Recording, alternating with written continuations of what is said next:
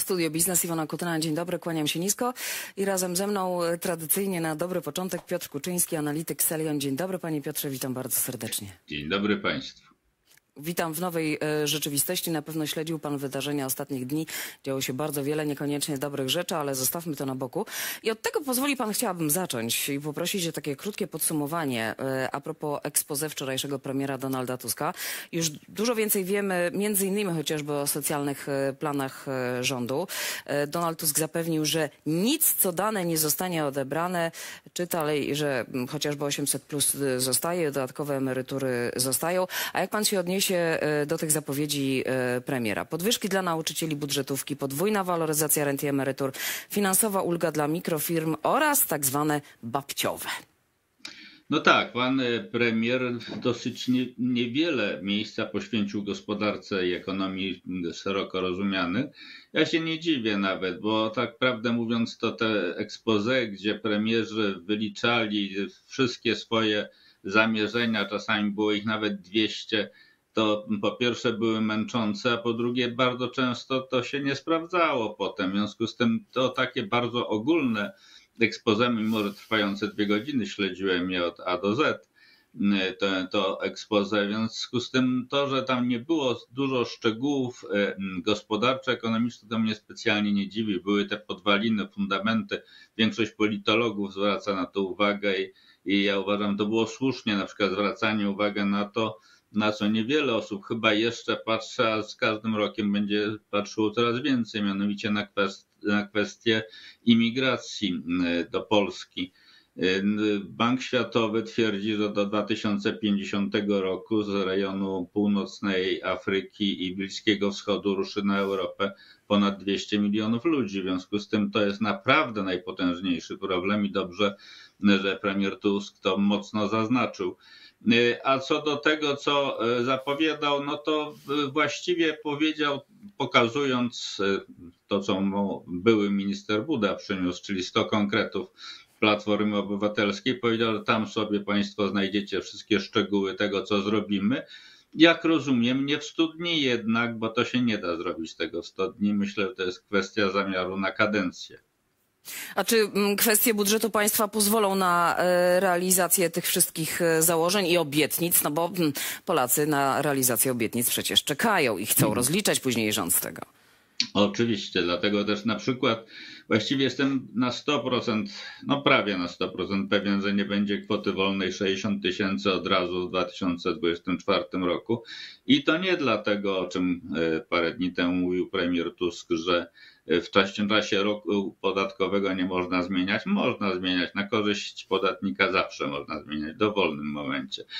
Po prostu e, premier nie chce nadwyrężać budżetu, nie chce za bardzo zadłużać e, budżetu, nie chce za bardzo zadłużać Polski również to pytanie, ono zawsze powraca w rozmowach e, z państwem, z dziennikarzami, zawsze powraca, czy Polskę stać na to, czy rząd stać na to. Ja odpowiadam, że zawsze stać, na każdy prawie wydatek. Dlaczego? Dlatego to jest decyzja polityczna, czy zwiększymy podatki, czy zadłużymy się. No więc jeżeli się będziemy zadłużali, no to wtedy nas stać. A ponieważ Polska ma zadłużenie 50% do PKB, Stany Zjednoczone 132% do ich PKB, tylko ich zadłużenie jest nieco większe 33 biliony dolarów. Nasze biliony, nie ich biliony. W związku z tym y, teoretycznie to zadłużenie może dalej rosnąć. Ja nie jestem za tym, żeby ono szybko rosło, wręcz się tego boję, że za kilkanaście lat możemy mm, dojść do sytuacji greckiej, ale nie ulega wątpliwości, że to jest tylko decyzja polityczna. Nie ma sytuacji, w której rząd nie będzie miał pieniędzy. Jak będzie chciał, to będzie miał. A propos e, zadłużenia, e, to na chwilę zostawmy e, expose i plany rządu Donalda Tuska w kwestiach gospodarczych i ekonomicznych. Pojawiła się taka informacja, no nieoficjalna, przynajmniej wczoraj była jeszcze nieoficjalna, którą podał Business Insider Polska, że w przyjętym oficjalnie planie finansowym Centralnego Banku na przyszły rok prognozowana jest gigantyczna strata, choć jeszcze chwilę temu tam miał być jakiś zysk, teraz ta strata, która może sięgnąć nawet 20 miliardów złotych. No tak, ale, Pani redaktor, te straty i zyski NBP są stratami i zyskami tylko i wyłącznie papierowymi. Na czym to polega? No mamy te 180 miliardów mniej więcej dolarów czy euro, w zależności od kursu, w rezerwach walutowych i je wyceniamy w złotych. Jeżeli złoty jest bardzo słaby, na przykład kosztuje dolar 5 złotych, no to mamy 900 miliardów złotych w Narodowym Banku Polskim. Jeżeli jest bardzo silny, kosztuje 4 złote dolar, no to mamy 4 razy 180, 720 miliardów. Czyli różnica jest minus 180 miliardów złotych. To tylko na tym polega. Także proszę się nie przejmować. Naprawdę ta e, bank mógł e, w połowie roku mówić co innego, bo złoty był bardzo słaby. No, od października zaczął się potężnie umacniać, nie wcześniej nawet zaczął się umacniać i 20% zyskał, no i stąd ta planowana strata. A, czyli niepotrzebne zamieszanie jest robione wokół, nie, jak rozumiem. kompletnie niepotrzebnie, absolutnie. To wracając jeszcze do y, premiera Tuska i do planów jego rządu, y, ma pan takie poczucie, słuchając expose tego, co Donald Tusk mówi, przyglądając się programowi, że Donald Tusk i jego rząd będzie taki proprzedsiębiorczy i naprzeciw przedsiębiorcom i ich potrzebom wyjdzie? Myślę, że będą starali się zbilansować, zbalansować, robić balans między potrzebami ludzi, społeczeństwa generalnie, czyli tymi socjalnymi różnymi dodatkami i, i, potrzebami i przedsiębiorców, bo to nie jest y, jednokierunkowa droga, tu trzeba dbać o jedno i o drugie. Ja sobie powiedziałem, że przez 6 miesięcy postaram się rządu nie 100 dni, a 180 dni rządu nie krytykować, Chociaż nie wiem, analityk to jest takie dziwne zwierzę, że lubi y, szukać problemów i, i nie wiem, czy wytrzymam w tym swoim przyrzeczeniu, no ale, ale postaram się tak, to, to robić i mam nadzieję, że pójdzie to wszystko w dobrym kierunku. A problem jest, dlatego że wchodzą państwo ministrowie na, na bardzo grząski y, grunt, na grunt, na który PiS zostawił w wielu przypadkach duże problemy choćby nawet finanse publiczne, system sprawiedliwości, nomenklatura w spółkach Skarbu Państwa, można wyliczać i wyliczać i wyliczać. I naprawdę jest to trudna droga. Ja wręcz gdzieś powiedziałem, że aż się ciśnie na usta e, Churchillowe powiedzenie o, o tym, że czeka nas krew, pot i łzy. Oczywiście krwi, miejmy nadzieję, nie będzie, ale sądząc po niedawnych wydarzeniach i tego do końca nie można wykluczyć, ale na pewno pot będzie czekał, bo, bo ministrowie będą mieli mnóstwo pracy, a łzy, no cóż, łzy nie tylko przegranych będą już i już są pewno gdzieś tam w niektórych e, oczach, ale również e, w tych wygranych, bo nie wszystkie e, obietnice, nie wszystkie konkrety da się natychmiast wypełnić. A to jeszcze jedno, może obietnica albo zapowiedź, o, o, czym Donald Tusk mówił i mówi, odpolitycznienie państwowych spółek i przegląd największych projektów gospodarczych Prawa i Sprawiedliwości na czele e, z CPK. Tak, absolutnie tak, absolutnie tak. To jest, wie pani, pani redaktor, pani tego nie pamięta, pani jest zbyt młoda, a ja niestety 39 lat spędziłem w PRL-u. W związku z tym pamiętam bardzo dokładnie coś, co się nazywało nomenklaturą. Ta nomenklatura to było, że jak jesteś w PZPR, to możesz być dyrektorem, jak nie jesteś, to nie możesz być. To niestety też teraz obowiązywało, tyle że nie nazywało się to PZPR, tylko Prawo i Sprawiedliwość lub stowarzyszenia jakieś, które popierały prawo Prawo i Sprawiedliwość. I to trzeba zmienić. Muszą być e, ludzie na, z tych e, miejscach nad prezesami, ci, którzy są naprawdę dobrzy, są naprawdę najlepsi.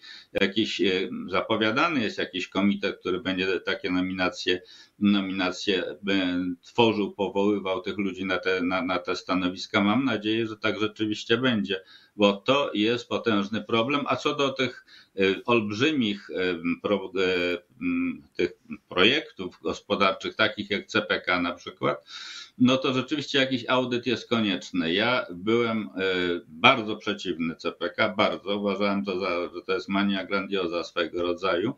E, potem zacząłem czytać niedawno, pojawiło się wielu innych głosów, które mówiły, że to nie jest wcale taki głupi pomysł, że trzeba to kontynuować. Ja nie wiem, nie jestem specjalistą w dziedzinie transportu.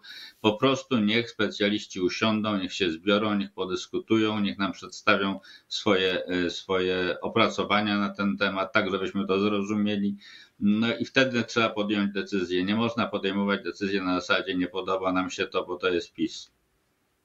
Bardzo serdecznie dziękuję za ten komentarz. Piotr Kuczyński razem z nami. Wszystkiego Dziękuję dobrego. bardzo. Widzimy się i słyszymy y, za tydzień jeszcze przed Tak jest. y, świętami. Poza anteną trochę o samochodach z panem profesorem sobie rozmawiamy, ale na antenie już nie. Profesor Witold Orłowski, ekonomista Akademia Finansów i Biznesu Wistula. Witam bardzo Tam, serdecznie. znaczy możemy ewentualnie o elektrycznych Izerach rozmawiać. tak, które- to, to jak zostanie nam trochę nie, czasu. nie mówił premier Morawiecki w swoim ekspoze ostatnim o Izerach, nie wspominał. Nie, wydaje mi się, że nie. Ten sukces mu wypadł z głowy. e, Zapomniał. No tyle ich było, że to Tak, no czasu tyle by było, że zabrakło, to oczywiście nie brakuje wyliczać. w głowie miejsca. Tak, tak. Marek Zuber em, razem z nami, także ekonomista Akademia WSB na Łączach. Dzień dobry, witamy serdecznie. Dzień dobry, dzień dobry. Panowie, to ja pozwolę sobie w takim razie, tak jak Piotra Kuczyńskiego zapytałam, również panów zapytać na początek może tak krótko o podsumowanie expose premiera Donalda Tuska i o tych wszystkich obietnicach, które składał i o tych wszystkich kwestiach, o których mówił, między innymi dotyczących chociażby tak zwanego babciowego 800+, dodatkowe emerytury, podwyżki dla strefy e, em, budżetowej. Panie profesorze. Ach, To jest zawsze pytanie, czy pani mnie pyta jako ekonomistę, czy jako powiedzmy obywatela? No, jako ekonomistę w tym przypadku. Jako ekonomista przy wąskim e, takim spojrzeniu, no to się należało powiedzieć, no nie wiemy jaki jest stan. W ogóle nie mamy budżetu, no więc teoretycznie nikt nie miałby prawa składać żadnych obietnic, jak w ogóle nie wiemy jaki jest stan długu, nie wiemy jaki jest e, deficyt. No, m- mamy jakiegoś tam śmiecia podesłanego przez poprzedni rząd jako rzekomy plan budżetu na rok przyszły, który no, trzeba będzie w znacznej mierze przyjąć, bo, bo nie ma czasu na zrobienie czegokolwiek innego i potem dość szybko zmieniać na jakikolwiek realistyczny projekt. Czyli teoretycznie należy powiedzieć, no to nie ma się prawa robić żadnych, podejmować żadnych decyzji, jak nie wiadomo w ogóle jak budżet, nie wiadomo jakie dochody, nie wiadomo jakie wydatki, jakie zobowiązania wziął na siebie rząd y, ten odchodzący, no nawet w ciągu ostatnich tam dwóch tygodni rządzenia to, to, to miliardy popłynęły, Popłynęły, kolejne zobowiązań. było, tak jest. Rozumiem, więc e, rzeczywiście teoretycznie należy powiedzieć, no to nie wolno w ogóle nic powiedzieć do czasu, aż, się, aż, aż nie przyjdzie rzeczywiście audyt, nazwijmy to audytem umownie i nie sprawdzi, jaki jest stan budżetu, jest stan finansów. Natomiast oczywiście, powiedzmy, jako obywatel obserwujący to, no muszę powiedzieć, no, no, no oczywiście rozumiem, że, że politycy nie mogą nie spełnić takich jasnych absolutnie, jednoznacznych obietnic, które składali kilka tygodni przedtem, przed, przed wyborami. I niezależnie od tego, co e, będzie robione z różnymi innymi rzeczami, na przykład o podwyżka kwoty wolnej od podatku i tak dalej, jak będzie rozłożona w czasie i tak dalej, to akurat pewne rzeczy, które były naprawdę obiecane nawet z podaną datą konkretnie, no bo podwyżki dla nauczycieli były powiedziane od 1 stycznia, Tak. no więc w ogóle bez cienia nawet wątpliwości o co chodzi, no to tutaj ja rozumiem, że politycy nie mogą sobie pozwolić na niespełnienie tego typu e, obietnic i to, to już musimy... Natomiast potem trzeba będzie oczywiście zorientować się, w jakim stanie jest budżet. I wtedy podejmować I wtedy decyzje. podejmować Mhm. dalsze decyzje, co w ogóle dalej z tym, z tym fantem robić i na, na pewno to nie jest łatwe zadanie. Dlatego muszę powiedzieć, że, i to już ostatnie zaraz dopuszczę Marka Zubera, ale mm, e, w tym przemówieniu, w expose premiera Tuska tak naprawdę tych konkretów było niewiele, ale ja naprawdę to rozumiem, bo no, no jak, jakie expose można wygłosić, skoro nie ma informacji o tym podstawowym narzędziu, którego Na które jest polityki tak rządu, jest. czyli budżet. No to jest podstawowe narzędzie polityki rządu i nie ma w ogóle informacji, w jakim stanie on jest, więc, więc jakie konkretne obietnice można, można składać? Można tylko mówić o pewnej filozofii rządzenia, no i powiedzmy powtórzenie, że nic co zabrane, co dane nie, Nie będzie będzie zabrane, odebrane, nie tak będzie jest. odebrane. No, rozumiem, to też są takie deklaracje, które musiały być złożone, ale no, czekamy na to, żeby dowiedzieć się, w jakim stanie są finanse publiczne i co naprawdę rząd będzie planować na ten przyszły rok i potem na kolejne. Marek Zuber? No coś tam wiemy, to znaczy wiemy, że e, z jednej strony faktycznie ten e, deficyt, e, ta suma tego wszystkiego, co polskie państwo, nie deficyt, tylko dług, suma tego wszystkiego, co polskie państwo jest winne, mówię o tych wszystkich elementach, nie tylko tych, które formalnie wchodzą w finanse publiczne zgodnie z ustawą w Polsce, ale także tych, które nie wchodzą, typu Polski Fundusz Rozwoju, Bank Gospodarstwa Krajowego i szereg innych funduszy. Mm, Na koniec zeszłego roku ten cały dług nie był jakiś y, dramatycznie wysoki, był w okolicach 50% PKB. No właśnie, przepraszam, Tutaj akurat- przerwę, tylko zwracam Ci uwagę na koniec zeszłego roku. A mamy Ale no to właśnie rok od tego czasu. Dlatego, tak. dlatego posłuchaj, posłuchaj, co chcę powiedzieć do końca. Bo to jest właśnie, słuchajcie, to jest ten, ta socjotechnika, którą Morawiecki w tej chwili stosuje i stosował też w tych ostatnich dniach, na koniec zeszłego roku to było około 50% długu w stosunku do PKB. Tylko od wielu, wielu lat no, mówiłem, że problemem nie jest yy, to zwiększone wydawanie w momencie, kiedy mamy bardzo yy, dobry wzrost gospodarczy, który obserwowaliśmy, ja mówię o tym okresie 2014-2019 w całej Europie Środkowo-Wschodniej. Polska zresztą nie była w ogóle liderem tego wzrostu. I myśmy finansowali te potężne dodatkowe wydatki, które realizowała wtedy rządzący, no do niedawna jeszcze rządzący, do wczoraj tak naprawdę rządzący Prawo i Sprawiedliwość z trzech źródeł, czyli po pierwsze właśnie z tego wzrostu, po drugie rzeczywiście ze zwiększenia ściągalności podatków, yy, no i to i po trzecie z cały czas zadłużania się. Ja myślę, że to się też nie, nie, nie, przebija do świadomości opinii publicznej, że, yy, bo to nierzadko, nierzadko taka, takie sytuacje mają miejsce w historii ekonomicznej świata. Jeszcze w 2019 roku, który już był gorszy, 18 krajów Unii Europejskiej miało nadwyżki w budżecie.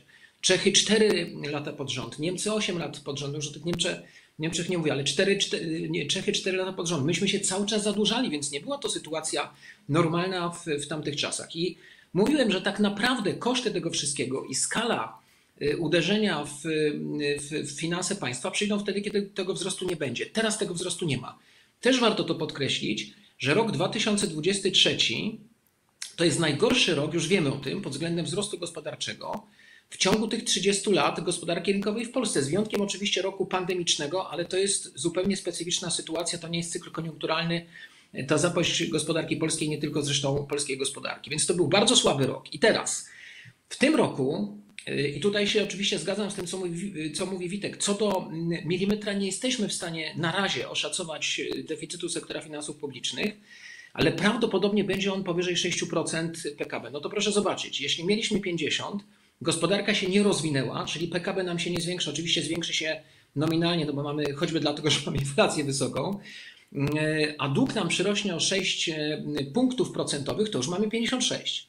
W przyszłym roku Morawiecki e, w napisanym przez siebie budżecie, tym, który no, przejął, przejęła nowa koalicja, mówi o 4,5%, co jest bardzo optymistyczną wersją, biorąc pod uwagę to, co już dzisiaj jesteśmy w stanie szacować. Wzrost gospodarczy nie będzie żadnego wystrzału, choćby dlatego, że mamy bardzo i będziemy mieli bardzo wysokie stopy procentowe dalej, więc może 2,5%, może trochę więcej. Z całą pewnością dużo więcej wzrośnie dług publiczny i już się zbliżamy do 60% PKB. A w kolejnym roku 2025 moim zdaniem same koszty odsetkowe przekroczą 100 miliardów złotych, czyli 12-13% y, y, dochodów do budżetu. Nie mieliśmy takiej sytuacji nigdy przez te 30 lat, choćby dlatego, że w przyszłym roku będziemy musieli pożyczyć rekordowe ilości pieniędzy, na przykład ze względu na to, że zaczynają się kończyć obligacje, które y, emitowaliśmy w czasie COVID-u, tylko że będziemy już pożyczać te pieniądze nie na 1,5%, tylko na pewnie 5,5%, może trochę więcej, może trochę mniej. Więc 3 lata bardzo, bardzo trudne. I y, to jest właśnie ta socjotechnika Morawieckiego. Jest świetnie, bo jest 50%. 50% to było w grudniu 2022. Teraz mamy potężny przyrost tego długu i z tym się dzisiaj zderzy nowy minister finansów i generalnie nowa koalicja w kontekście tych y, obietnic, ale także jeszcze o jednym kontekście musimy powiedzieć, y, mianowicie zbliżających się wyborów. Trzech, w tym tych chyba najważniejszych, czyli prezydenckich. Jeżeli tak naprawdę y, ta nowa koalicja chce zmieniać Polskę, chce mocno wpływać na no, ten kręgosłup, który buduje naszą rzeczywistość, to musi mieć do tego prezydenta.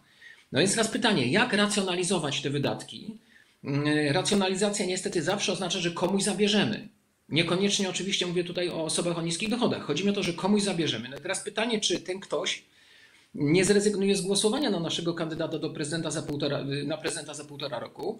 No a wtedy oczywiście będzie problem, y, co robić dalej. Więc to jest bardzo, bardzo skomplikowana układanka, jeżeli chodzi o te finanse publiczne w, najbliższym, w najbliższej przyszłości. Dlatego może, panie Marku, y, Donald Tusk zdecydował się na powołanie y, Rady Fiskalnej, hmm. która opiniować ma wydatki budżetu państwa i, jak rozumiem, wspierać rząd przy podejmowaniu jakże trudnych, o których pan mówi, y, przy podejmowaniu bardzo trudnych wielu decyzji, panie Radę profesorze. fiskalną to jest tak, że to jest taki pomysł, który panuje, który krąży po ekonomii od wielu lat, tylko z takim drobnym zastrzeżeniem Mowa jest tak jak w przypadku Rady Polityki Pieniężnej, o Radzie, która nie tylko doradza, ale która również ma prawo na przykład ustalać maksymalny poziom deficytu. Tak ekonomiści o tym, mówiąc o Radzie Polityki Fiskalnej, mówią, to jest taka rada, która może powiedzieć maksymalny dopuszczalny poziom deficytu w tym roku jest tyle i tyle, z powodu, patrząc na ogólną sytuację gospodarczą, finanse i tak dalej, i tak dalej.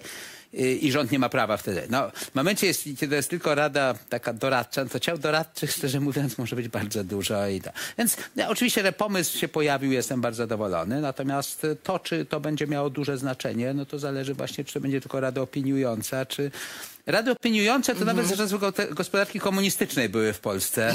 E, Rząd miał takie rady opiniujące i to jak wiadomo nie zmienia sprawy. Więc ja, ja znaczy zgadzając się właściwie z wszystkim, co, co mówił Marek, ja tylko dodam parę rzeczy. To, że mamy dług poniżej 50% PKB, czym się bardzo szczyci premier Morawiecki, a nawet słyszałem, że to właśnie dowód, nieprawda, zły stan, skoro mamy tylko 50% długu, to zawdzięczamy inflacji. Znaczy rząd zawdzięcza inflacji. Podatkowi inflacyjnemu, o którym Marek nie wspomniał jeszcze jako źródle finansowania, finansowania deficytu, ile obniżania długu publicznego. E, No, z tym, że podatek inflacyjny czy inflacja oznacza po prostu, że to nie oznacza, że, że, że, że dług nie wzrósł, oznacza, że koszty wzrostu długu zostały przerzucone na posiadaczy, prywatnych posiadaczy oszczędności. E, I tylko dlatego dług, dług nam spadł. No bo jak jest inflacja wyższa od stóp procentowych, no to już się po, pożera realną wartość długu publicznego. E, To trzeba powiedzieć akurat dość zabawnie, bo E, To jest jedno z tych narzędzi, które w gruncie rzeczy pewnie niechcący, sądzący będzie dalej rządził, premier Morawiecki pozostawia e, następcą, dlatego że dla ministra finansów inflacja jest wygodna do czasu, dopóki stopy procentowe nie dogonią już inflacji i tak dalej. To zazwyczaj jeszcze trochę trwa. No to jest jakieś, wbrew pozorom, pewna, pewna ulga, bo dzięki temu dług wzrasta znacznie wolniej niż wynikałoby z deficytu. No choćby jeśli porównamy sobie w ciągu ostatnich właśnie tych trzech lat przed, znaczy dwóch lat przed y, końcem grudnia zeszłego roku, e, mieliśmy deficyty kilka po kilka procent PKB, a dług publiczny w relacji do PKB nam się nie zmieniał.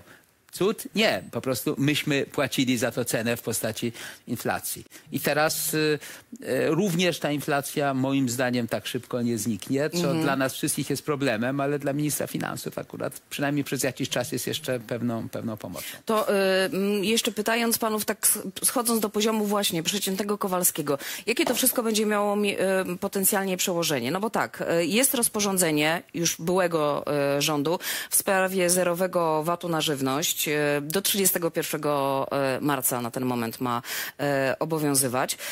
No i co potem? No bo wiemy jak, i wszyscy widzimy, jak te ceny chociażby właśnie żywności się zmieniają. Co z, dalej z projektem i z programem Bezpieczny Kredyt 2%? No bo też wiadomo, że pieniądze zaraz się skończą. Zresztą już dzisiaj przeczytałam informację, że pierwszy bank postanowił wstrzymać przyjmowanie wniosków i to jest Bank Ochrony Środowiska. Tylko do 29 grudnia te wnioski będzie przyjmował. I na pewno tych planów, projektów i tych potencjalnych wydatków, które my musimy uwzględnić w naszym prywatnym budżecie na przyszły rok, będzie coraz więcej.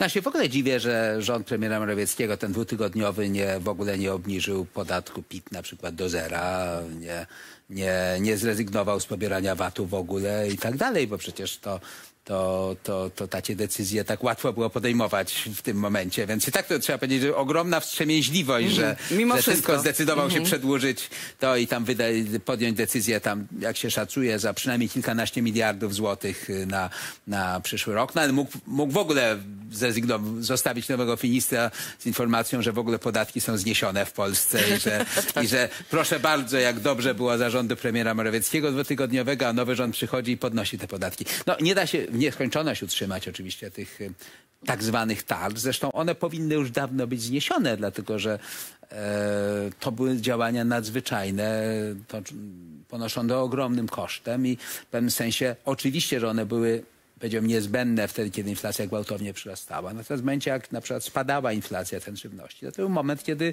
trzeba było przywrócić te normalne stawki. No oczywiście w atmosferze przedwyborczej ostatnia rzecz, która przychodziła do głowy, to było jakiekolwiek, no, to było raczej opowiadanie nam, przepraszam, ale bełkotu. Przecież proszę sobie przypomnieć, na chyba dwa tygodnie przed wyborami premier Morawiecki twierdził, że mamy nadwyżki w budżecie.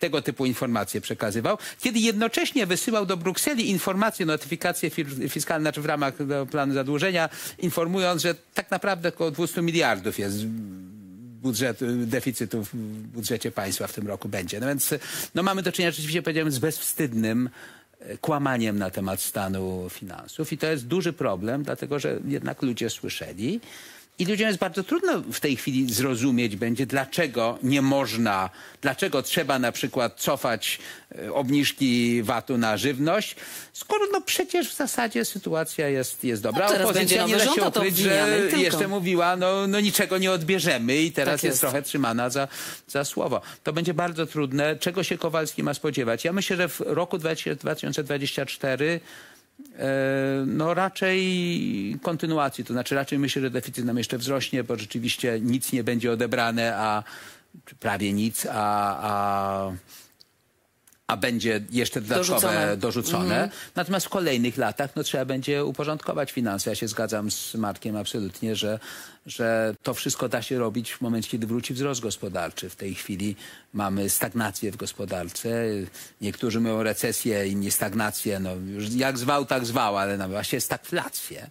No i mamy tę inflację trudno bardzo do zwalczenia. Także najbliższe dwa, najbliższy rok, no to będzie rok ciężki dla finansów, ale myślę, że ten przeciętny Kowalski, no to nie odczuje jeszcze jakichś strasznych tych. Natomiast potem no, trzeba będzie uporządkować to wszystko i no, szykujmy się na to, że nie da się wiecznie opowiadać bełkotu na temat tego, że mamy finanse w świetnym stanie, że trzeba będzie w którymś momencie zacząć się porządkować. No, i, ja liczę w końcu na szczerość polityków, więc mam no, nadzieję, że ta szczerość no, nie będzie tak. niestety za bardzo optymistyczna, ja, ale jednak Marek Zuber, proszę mhm. bardzo.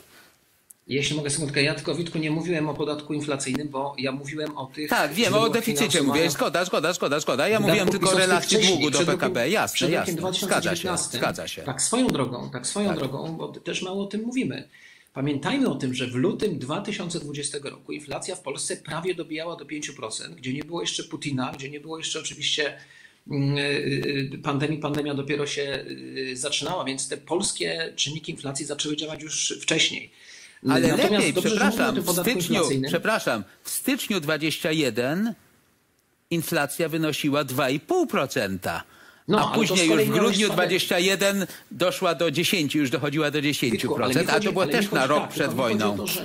Tylko mi chodzi o to, że wiesz, przed, y, przed tym pierwszym efektem, czyli pandemia, mieliśmy 4,7 w lutym 2020 roku i to pokazuje, że narastały napięcia tak, inflacyjne w Polsce. Tak, potem przyszła pandemia, załamał się popyt, więc to był ten element mhm. zbicia inflacji. Mhm. No i potem oczywiście stało się to, co się stało.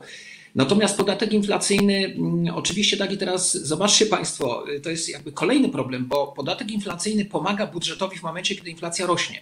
Natomiast jeżeli ona spada, mamy sytuację odwrotną. Waloryzacji masz wyższe, oparte masz na inflacji z poprzedniego roku, najczęściej średniorocznej, która jest wyższa od inflacji w danym momencie, czyli jakby nie mamy już tego opóźnienia związanego z, z tej sytuacji, że mamy zwiększone dochody, a opóźnienie wynikające z relatywnie niższego wzrostu kosztów. Ale ja o czym innym chciałem powiedzieć, słuchajcie Państwo, bo y, oczywiście y, pani Iwona zadała to pytanie, jak Kowalski to odczuje.